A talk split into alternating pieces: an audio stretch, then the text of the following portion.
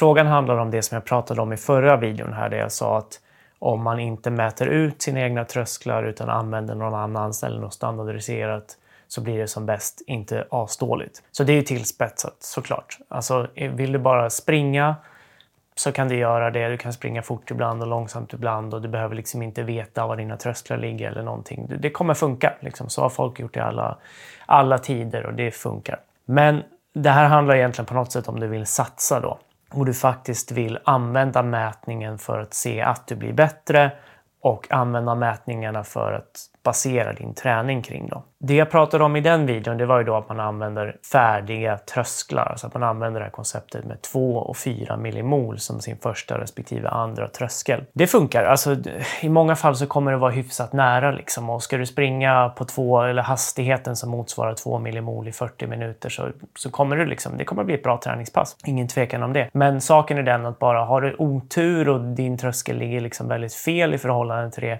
så kanske det blir mer eller mindre än vad det borde vara.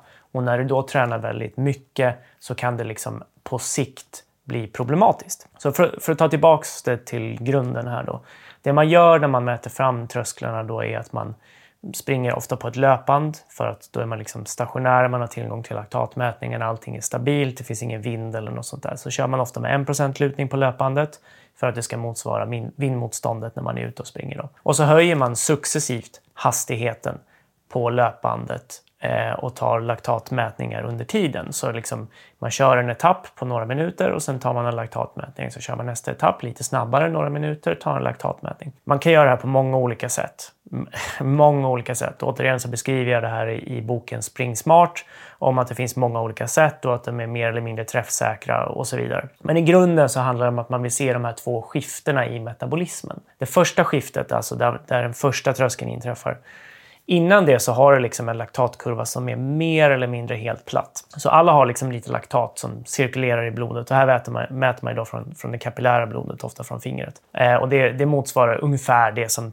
tillverkas respektive konsumeras i musklerna och sen då läcker ut i blodet kan man väl säga. Så att alla går runt med en del sånt här i blodet hela tiden. Det är liksom en produkt av kolhydratsnedbrytning i kroppen. När man då börjar springa så höjs ju den här nivån lite eftersom man anstränger sig mer, man använder lite mer kolhydrater, mer energi överhuvudtaget eh, och då höjs laktatnivåerna i blodet. Men så länge du springer på samma hastighet så ska det här vara helt stabilt när du ligger under första tröskeln i stort sett. Då. Så när du då höjer hastigheten så absolut laktatet stegrar lite, men det blir ingen ytterligare ökning utan det blir liksom en, en rätt platt kurva då.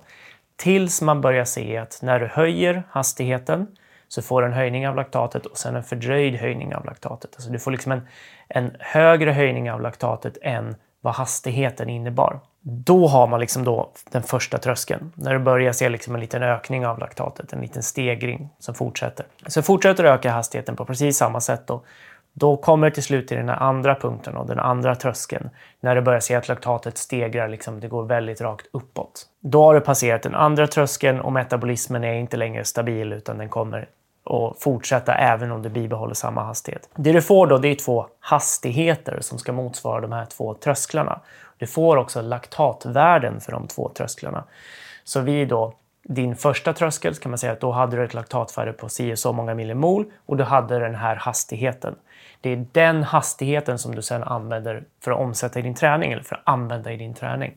Så att om du då ska köra ett laktatpass eller ett tröskelpass på strax över din första tröskel. Då ska du veta vilket laktatvärde du ska ha och du ska veta vilken hastighet du ska ha. Och så kan du köra dina 40, 45, 30 minuter, vad det nu blir för någonting. Det beror på hur hårt du kör. Liksom. När du har gjort det så kan du på ett träffsäkert sätt skapa ett träningspass med en förväntad träningseffekt och en förväntad trötthet. Så du kan använda det i din planering för att säga på tisdagen gör jag det här passet, vilket innebär att på onsdagen kommer jag kunna göra det här passet, på torsdagen det här passet och så vidare.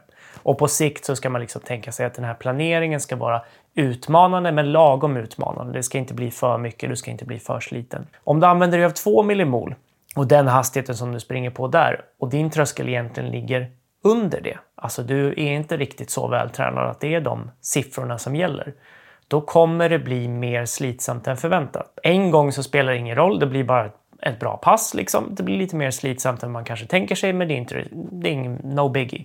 Tränar du på tisdagen så kommer du kunna träna igen på torsdagen. Men om du fortsätter så här hela tiden och speciellt om du tränar på tisdagen, onsdagen och torsdagen, då kommer det bli slitsamt. Då kommer det inte bli det kommer inte finnas någon vits i att använda den här mätningen överhuvudtaget. För du hade lika gärna bara kunnat köra på känsla och fått ett bättre resultat.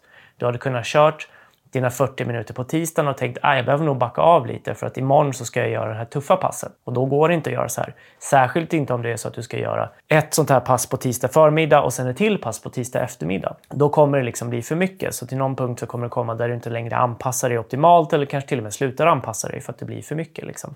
Man kan tänka sig motsvarande scenario när det hela tiden blir för lätt. Det kommer inte vara lika uppenbart att det är fel. Eh, och när vi pratar om de här siffrorna, 2 millimol, så är det mindre problematiskt att det blir fel skulle jag säga.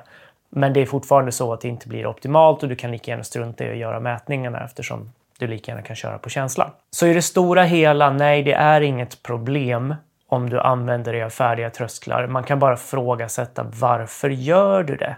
För när man springer de här passen, då vill man egentligen köra liksom mätningar, särskilt när man kör intervallbaserad tröskelträning. Då vill du köra mätningar för att se att laktatet inte stiger. Men om du inte vet var din laktattröskel ligger från början så kommer du liksom hela tiden lägga det lite fel från början och så kommer det bli ett pass som är sämre än vad det borde vara. Och i värsta fall så blir det för hårt för din totala träningsplanering. Så har du tillgång till laktatmätning, om du verkligen vill använda dig av det, ja men då ska du mäta ut dina trösklar. Strunta i de här 2-4 millimol eller vad någon annan, vad din kompis har för trösklar eller något sånt där.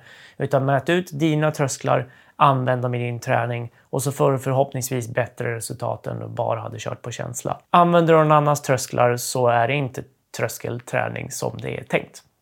Så kan man väl säga. Fortsätt skicka in era frågor. Jag tycker det är skitkul att få feedback på det jag gör. Eh, eller jag vet inte fan om jag tycker det är så kul med feedback, men det är kul med frågor i alla fall, för det ger mig mer tankar om träning och det är väl det det här är till för. Det var allt för idag. Vi ses och hörs när vi gör det.